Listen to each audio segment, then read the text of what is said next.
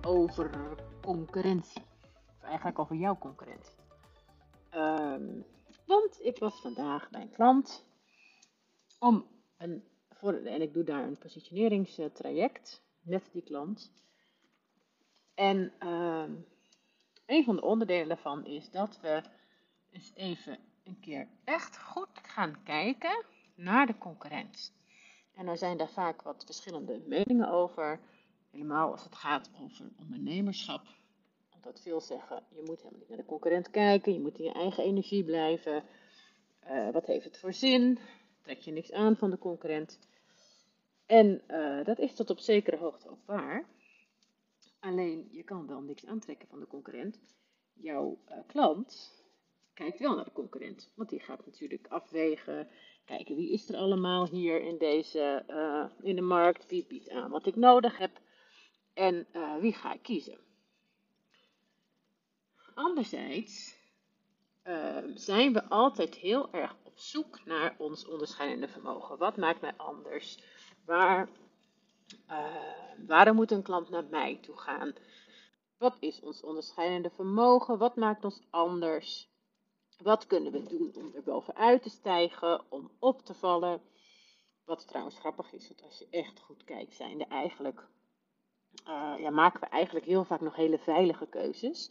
Vallen we eigenlijk helemaal niet heel erg op. Willen we wel onderscheidend zijn, maar is het echt opvallen nog best wel spannend? Ik denk ook omdat we vaak denken, maar waarmee moet ik dan opvallen? En uh, nou ja, misschien nog niet helemaal voelen, wat is dat dan, dat opvallen? Wat, wat moet ik dan precies doen? Nou, daar gaat precies deze aflevering over. Omdat wat ik daar weer ontdekte, is, um, en dat merk ik elke keer als ik met klanten, of het nou gaat over echt een positioneringstraject waarmee ik heel intensief met de klant alle stappen doorloop. Of in mijn jaartraject met ondernemers, waarin zij daar ook um, zelf uh, grote stappen mee zetten. Um, natuurlijk ook wel onder begeleiding. Is dat we vaak niet echt kijken naar de concurrent. Wel oppervlakkig, dus wel. Uh, en dan vooral vaak naar de overeenkomsten, waardoor we dus ook ons afvragen van wat maakt mij anders omdat je vooral de overeenkomsten ziet van uh, uh, wat is de aanpak van die ander. Oh ja, die doet dat ook. Oh, dat doe ik ook. Of die doet dat niet. En oh, dat doe ik juist wel. Is dat dan mijn onderscheidend vermogen? Um, wat me ook heel vaak opvalt, is dat de, het, ja, hoe zeg je dat nou? Het niveau van communiceren, dus het, het, uh, het niveau van waarop je je onderscheidt, of je probeert te onderscheiden. Ja, heel vaak op, op een soort van het, het uh, op de wat ligt. Dus dat we heel erg in onze communicatie en in wat we naar buiten brengen, even ongeacht waar dat is, dat we het heel vaak hebben over wat we doen, uh, wat onze aanpak is, voor wie dat is, waarom dat zo belangrijk is. We zijn heel vaak nog bezig met vertellen, overtuigen waarom het nodig is om af te nemen wat jij verkoopt. Terwijl uiteindelijk onderscheidend vermogen niet zit in de wat, niet in je aanpak, maar in andere dingen. En dat als je gaat kijken in heel veel branches, is dat naar die andere dingen, dat, je, ja, dat er nog zoveel winst te halen is om je echt anders neer te gaan zetten. En dat doordat heel veel bedrijven, dat was dus vandaag ook bij die klant van mij, toen ik al die andere, nou ik denk dat ik een stuk of acht tot tien had, um, bedrijven die ongeveer hetzelfde doen als zij doen, um, die ook zich richten op dezelfde doelgroep. En in, in, in deze branche was het zo dat ze echt heel erg inhoudelijk hetzelfde deden. Uh, maar het opvallende was dat ze ook vooral op dat level communiceerden waardoor alles hetzelfde was. Iedereen zei hetzelfde. Nou ja, de zinnen kon je zo overnemen van elkaar. Die, had, die kon je zo van de ene zijde naar de andere op de andere zijde plakken en dan stond er nog steeds hetzelfde. Uh, de vraag is natuurlijk, maar hoe, uh, hoe goed kijken we eigenlijk als we naar die concurrent kijken?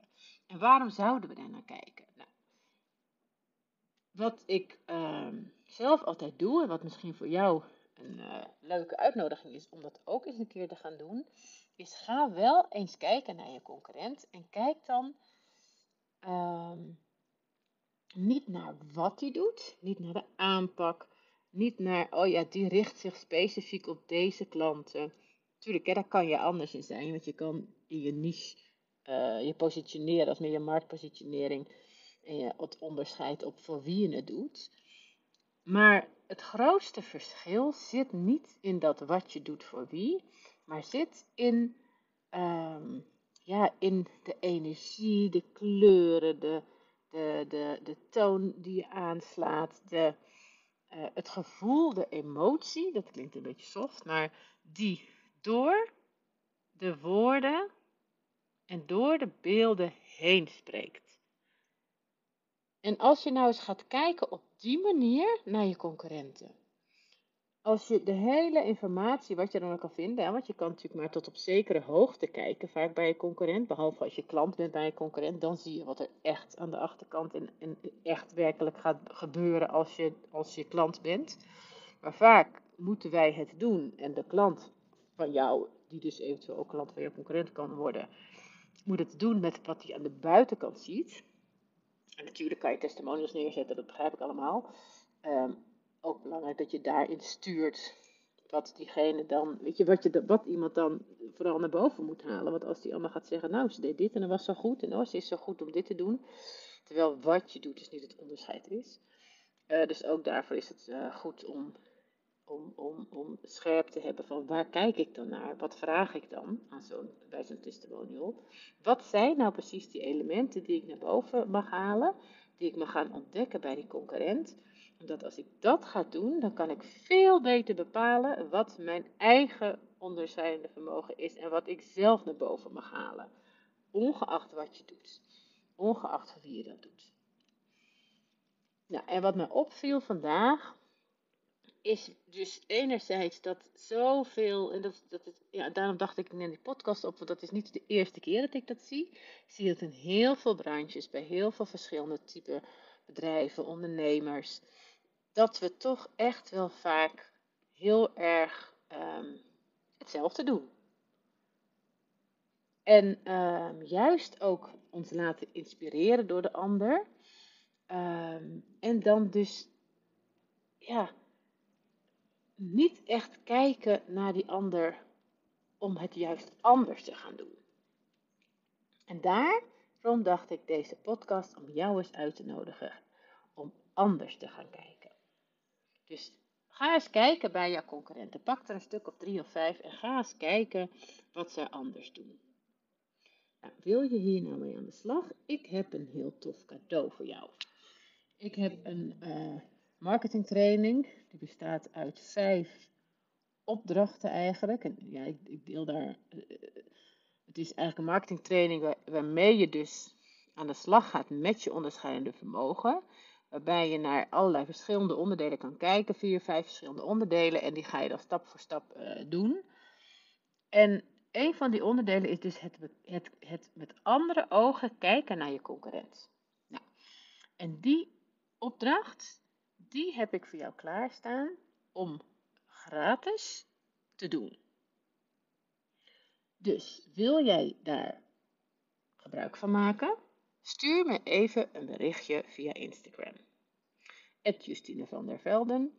En laat even weten dat jij super graag je onderscheidend vermogen scherp wil maken. En lijkt het je leuk om dus die concurrent eens een keer vanuit een andere blik te bekijken?